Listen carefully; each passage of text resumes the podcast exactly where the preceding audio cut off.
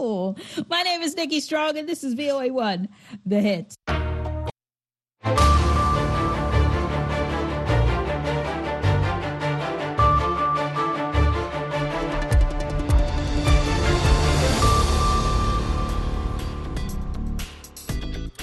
halkani waa washington. Laanta af soomaaliga idaacadda v o a waad ka dhagaysanaysaan mawjadaha gaagaaban efemyada geeska afrika iyo caalamka oo dhan o ad nagala socotaan v o a somali com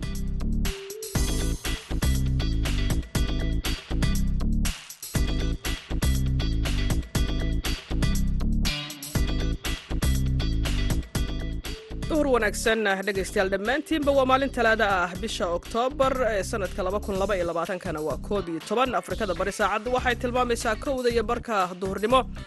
Magaalada washington d c ee idaacadda sida tooska idinkaga imaanaysana saacaddu waa lixda iyo barka aroornimo idaacadda duhurnimo ee barnaamijka dhallinyarada maantana waxaa idinla socodsiinaysaa caashe ibraahim aadan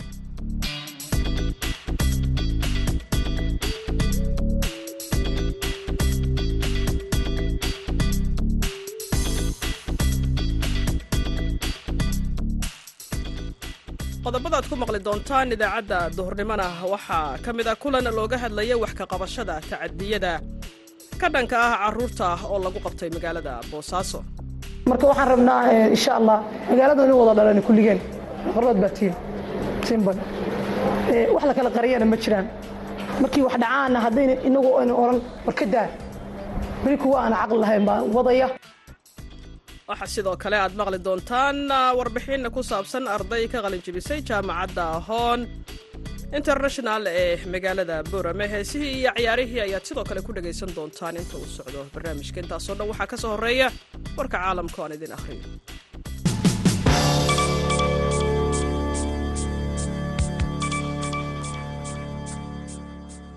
gudoomiyaha guddiga arrimaha dibadda ee golaha senatka maraykanka robert mendes ayaa isniintii waxa uu ku baaqay in la hakiyo dhammaan iskaashiga maraykanku la leeyahay dalka sacuudiga isagoo si adag u muujinaya sida maraykanku uu uga carooday tallaabadii sacuudigu qaaday ee fursadda dhaqaale siinaysa dalka ruushka. Bayaan uu soo saaray senator mendes ayuu ku baaqay inaan wax hubah laga iibinin dalka sacuudiga islamarkaana la joojiyo iskaashiga amni ee ka dhexeeya labada dal marka laga reebo arrimaha laga maarmaanka u ah danaha maraykanka iyo difaaca amniga qaranka. Maraykanka iyo sacuudiga ayaa muddo ka badan toddobaatan sannadood waxaa ka dhexeeyey iskaashi dhinaca amniga ah iyo weliba heshiis dhinaca ganacsiga hubka ah gudoomiyaha guddiga arrimaha dibadda ee golaha senatka menendes ayaa waxa uu ka tirsan yahay xisbiga dimuqraadiga waxaana laga soo doortaa gobolka new jersey waxa uu wacad ku maray siduu hadalka u dhigay inuusan taageeri doonin nooc kasta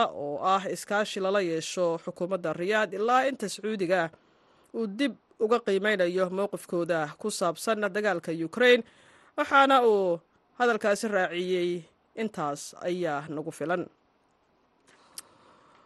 madaxweynaha dalka ukrain valadimir zelenski ayaa lagu wadaa in uu la hadlo hogaamiyaasha kooxda toddobada wadan inta lagu guda jiro kulan dhanka farsamada ah oo talaadadan dhacaya kaasoo daba socda weeraro isdaba jooga oo gantaalada ruushka ah oo ay ku garaaceen caasimadda ukrain iyo magaalooyin kale oo ka tirsan dalkaasi zelenski ayaa isniintii waxa uu sheegay in ukrain sida hadalka loo dhigay aan la cabsi gelin karin oo halkii laga cabsi gelin lahaa oo ay cabsi gelin lahaayeen weerarada ruushka ay ka dhigeen mid adduunka oo dhan ay ogaadaan. Waxaanu samayn doonaa buu yidhi wax walba in aan xoojinno ciidamadeenna qalabka sida. Waxaan ka dhigi doonaa goobta dagaalka siduu hadalka u dhigay mid aad ugu xanuun badan cadowga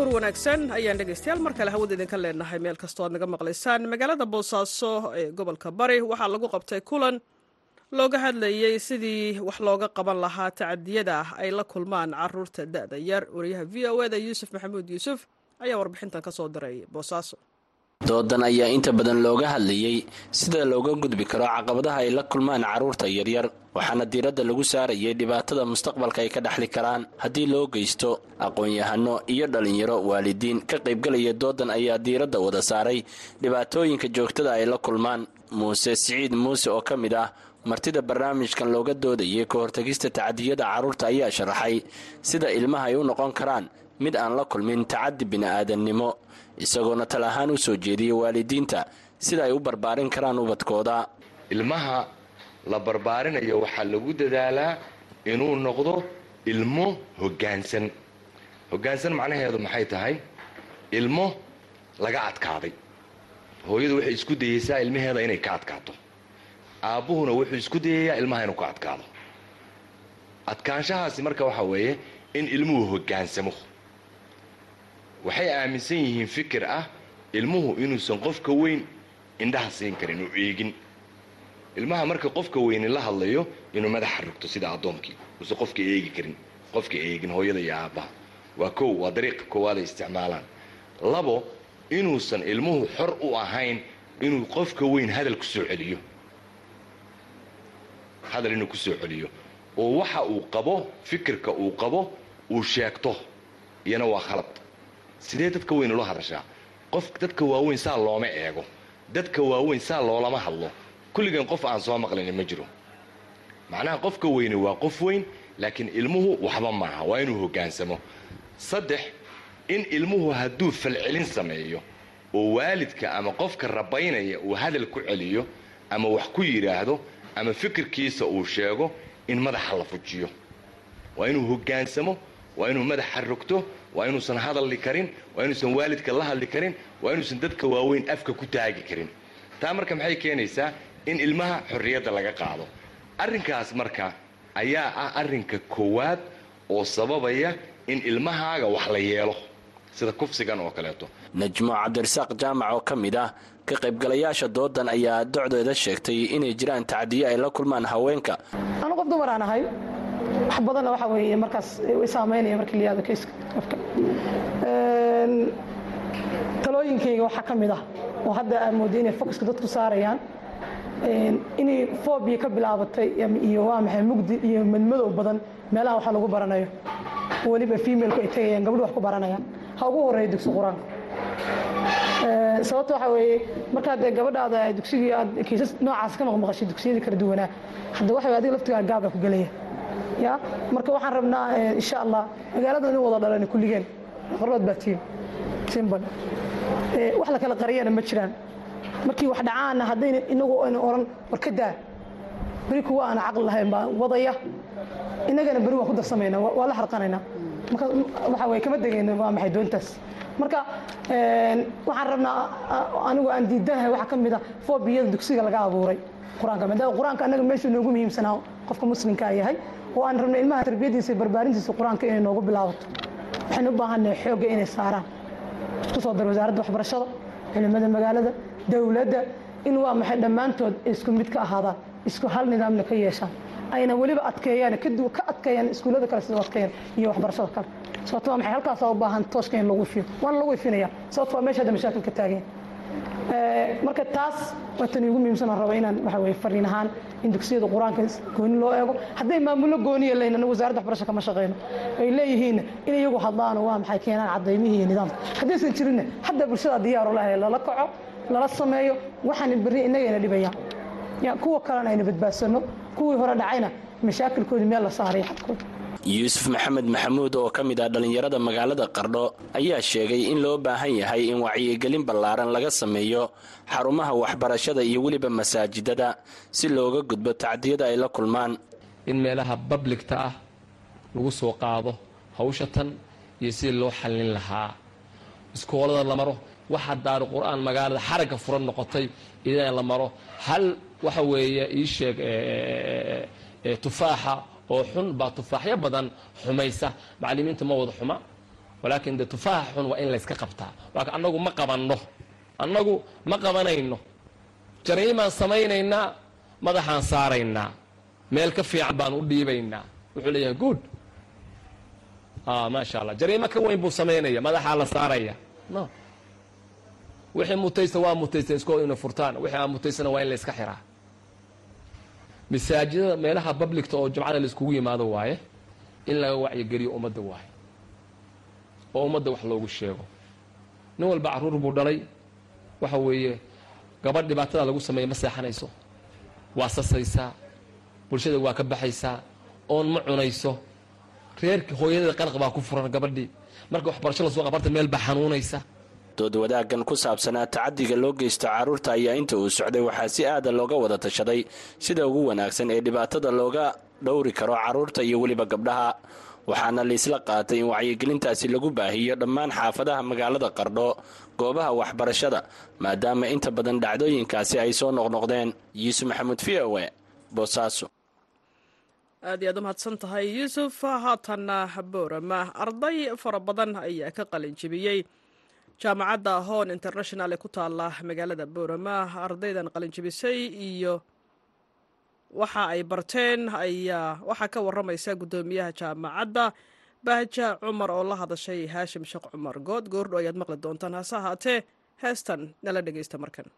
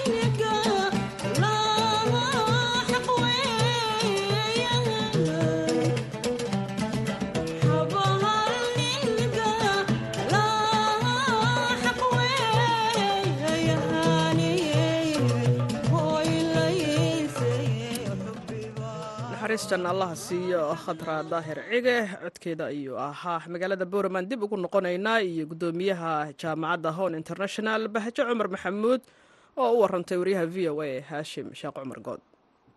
Magacaygu waa bahjo cumar maxmed waxaan ahay mas'uuliyiinta jaamacadda hoon anigoo ah guddoomiyaha boodhka jaamacadda. Sidoo kalena ah agaasimaha guud ee cisitaalka geeska afrika. Waxaannu maanta qabannay xafladdii dafcaddii toddobaad oo ay ka qalin tiro ku dhow boqol. Sidoo kale waxaannu qalinjebintaasi noo qabsoontay si fiicanna noogu qabsoontay. Tiimka maanta qalinjebiye waa tiimka imtixaanka kombressifka ee dibadda nooga yimaada dalka etoobiya waxay ahayeen toddobadii gruubkii dhammaantood ku baasgareeyey kuliyadaha maanta naga qalinjebinaya waxa weeyaan shan afar waa caafimaad. Hadda waxaa ku jirta kuliyad cusub oo liidershipka ah. Nambarka ardayda qalinjabinaysa waa boqol. Halka ay ka yihiin wiilashu labaatan iyo lix dumarkuna ka yihiin toddobaatan iyo jaamacaddiinnu waxay noqonaysaa jaamacaddii ugu badnayd ee ay gabdhuhu ka bataan wiilasha. Saddex laab ay ka bataan. Maxaa sabababaas leedahay in gabdhuhu ay saddex laab ka bataan wiilasha ka qalinjebinaya sanadkan jaamacadda hoon? Horta markii koowaad un maahayne toddobada baajba mar kasta way ka badnaayeen. Ragga qalinjebinaya laba shay umaan is odhan karaa mid waxa weeyaan kuwaalitiga iyo tayada jaamacadda ay soo doonanayaan habluhu.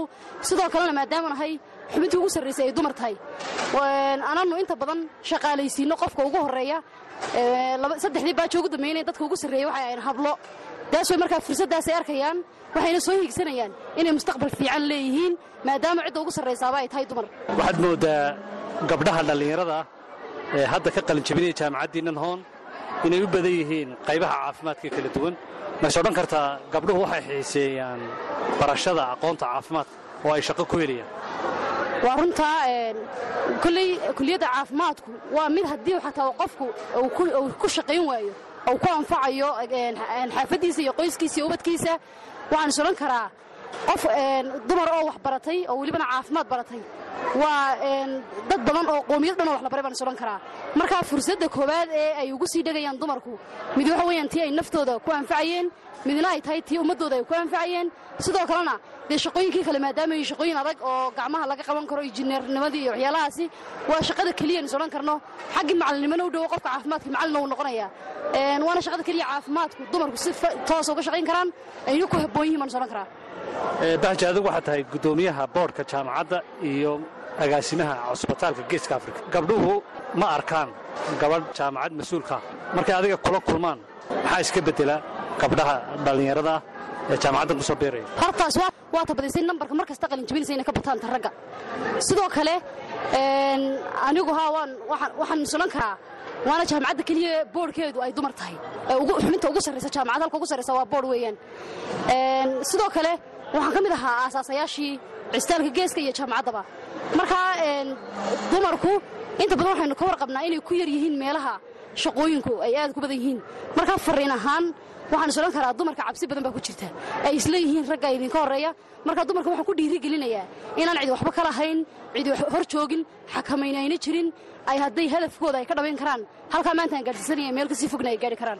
Kuliyad cusub baa ku jirta oo sannadkan arday ka mida jaamacaddiinnu ay ka qalinjabinayso kuliyaddaasi oo ah kuliyadda hoggaaminta maamulka iyo maaraynta ma ku jiraan wax gabdha ah oo ka qalinjabiyey kuliyaddaas way jiraan.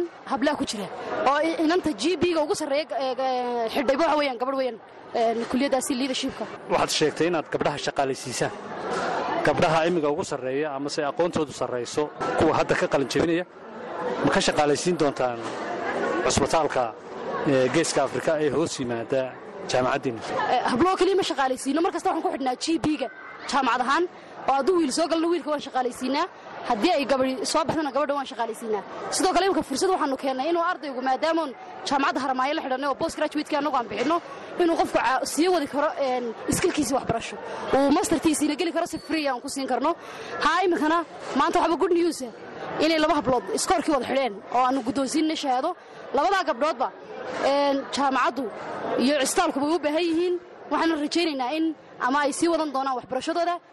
ama ay shaqaalaha ka mid noqon doonaan insha allah. Ardaydiinna wax ka barata kuliyadaha caafimaadka waxaad u geysaan tababaro. Cusbitaallada dowlad deegaanka soomaalida ee etoobiya se idinku suuro gashay hawshaasi inay ardaydiinnu tababarro ku soo qaataan dhinaca caafimaadka cusbitaallada ku yaalla deegaanka soomaalida etoobiya aad baa u mahadsan tahay horta laba shay umaan odhan karaa. Ardayda annaga naga qalinjabisaa maanta gobolka awdal marka la idhaahdo waa nambarka ugu badanee shaqeeya maanta. Waa nambarka ugu badanee shaqeeya. Sidoo kalena mchada ku yaalla ilaa iyo halka laga bilaabo ilaa iyo xeeb. Sidoo kale ilaa bari dadka naga qalijabinaya dhammaantood way shaqeeyaan. Sidoo kalena waxay ka yihiin frontlankay ku jiraan inay mas'uuliyiinta ugu horreeya ku jiraan. Ayay ka mid yihiin. Ta etoobiya inaanu geyno intershipka ay ku soo qaataan waxaa noo suurto gelisay annaga shahaadadaydu waxa weeyaan etoobiyaan maadaama ay etoobiyaan tahay waxaanu isku daynay caafimaadka la baranayo inuunu ku filnayn xanuunnada soo noqnoqonaya ee gobolka awdal cistaaladiisa lagu maareeyo. Marka waxaanu ugu talagalnay ardaygii maadaama uu ka bixi karo waddanka gudihiisa meelo kalena tegi karo sida uu naftiisa u maarayn lahaa kiisaska kala duwan la kulmana uu ku maarayn lahaa. Marka waxaanu ka fikirnaa annaga iyo sineedka jaamacaddu inaannu u qorshayno sidii loo qaadi lahaa ardaydaas loo geyn lahaa dalka dibaddiisa especially etoobiya jigjig kilalka oo weliba qorshaha noogu jirta ilaa haramaayo in la geyn doono doorkan. Laakiin doorkan wayta jigjigaanu ku ekayn waxay noogu suurto gashay waxaanu xidhiidha leenahay saan horeba u sheegaynay haramaayo university referal iyo karamardha sidoo kalena jaamacadda jijiga marka uma malayn karo ardayga halkaa joogiya halkani wax loo ku kala duwannahay ma jirto? Waxaana looga soo dhoweeyaa oo welibana looga badiyaa. Ardayda halkaa ku dhigata markaa anagu taasi waxay ahayd guddoomiyaha boodhka jaamacadda hon international ee boorama bahja cumar maxamed oo aanu ka waraysananay qalinjabinta difcaddii toddobaad oo maanta ay xafladu u qabteen gudaha magaalada boorama haashim sheekh cumar good v o e boorama aad ayuu mahadsan yahay. Haashim haatanna waa wararkii dhinaca ciyaaraha waxaa inoo haya maxamuud mascade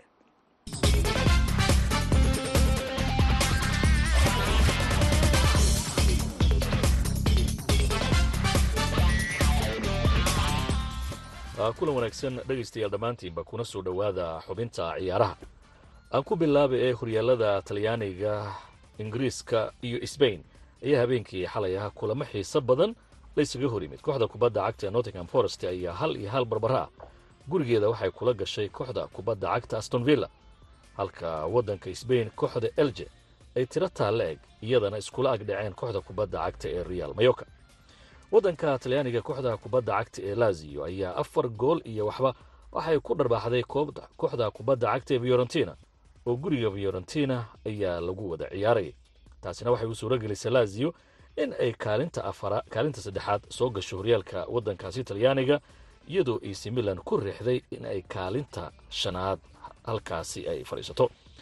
Laakiin horyaalka waddanka ingiriiska kooxda kubadda cagta ee nottingham forest oo iyadu xilli ciyaareedkan uu ku soo biirtay horyaalka waddanka ingiriiska isla markaasina lacag aad u fara badan ciyaartoy ku qarash garaysay ayaa kulankii habeenkii xalay ahaa la ciyaartay aston villa wuxuu u muuqday koox weli aan isla qabsanin isla markaasina u muuqata in ay qalqil gelayso xilli ciyaareedkan inay ku sii jirto. Maxaa ku dhacay kooxdan kubadda cagta nottingham forest oo iyadoo lacagta badan qarash garaysay.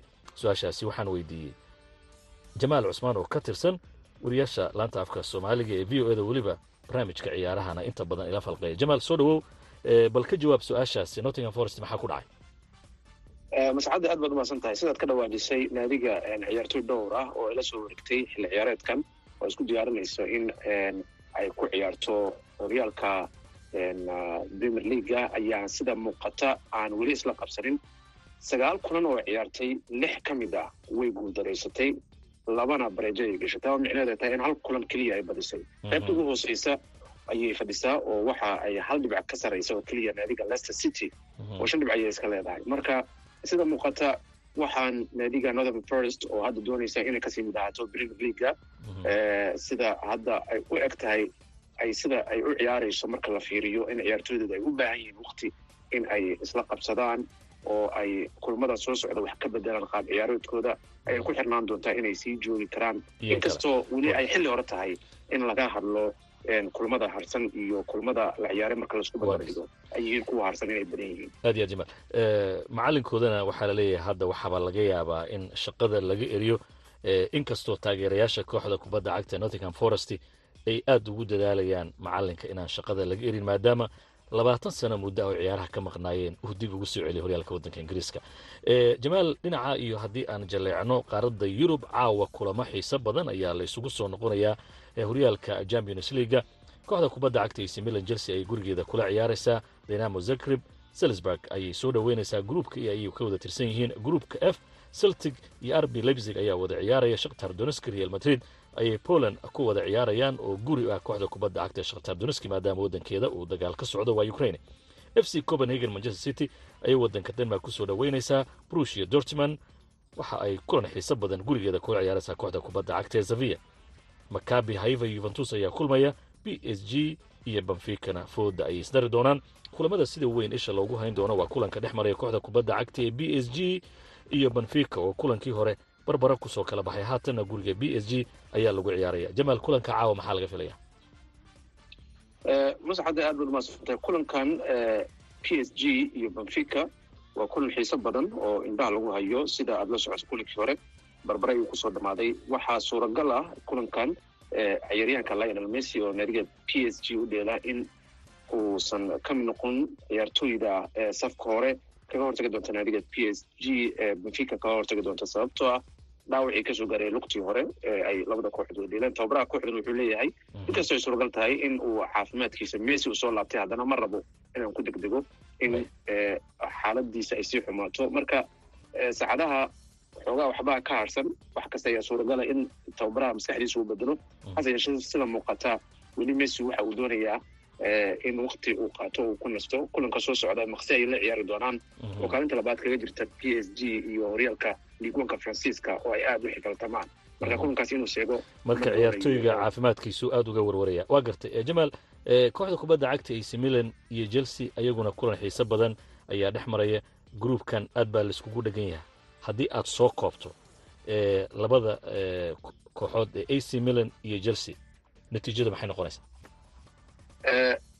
masxadda labada kooxood markaad fiiriso horyaalka champions leaguea groupka ay ku wada jiraan hadda chelsea iyo milan min afar dhibc ayay iska leedahay ayaa shan iska leh dinamo zagrana saddex ayay iska leedahay. Marka labada kooxood lugtii hore naadiga chelsea guul muhiim ayay ka gaartay ac milan oo saddex waxba ayay kaga awdronaatay hadda milan maadaama gegadeeda lagu ciyaarayo waxay doonaysaa in ay gudaradaasi wejgabaxaasi wax ka bedasho hase yeeshee marka la fiiriyo kulamada ay labada kooxood wada dheelan champions leaguea waxaa kulankan kulankii ka horeeyey wuxuu ahaa champions leaguea. Ay wada ciyaareen kulamo dhowra oo naadiga ac milan ay ku adkeyd in chelsea ay ka adkaato. Mar waxaa looga badiyey xubinta ciyaaraha ee maanta inta aynu mar kale dhegaystayaal aan idhaahday. Dib uu kulmi doono waxaan idinku dhaafayaa sida ay nabadgelyo maxamuud mascade aad ayuu mahadsan yahay. Xubintii cayaaraha ayaad maqlayseen gabagabadii idaacadda ayaan ku sii dhowaaneynaa mid ka mid a heesahaan idiin hayno mar kale. Nala dhegaysta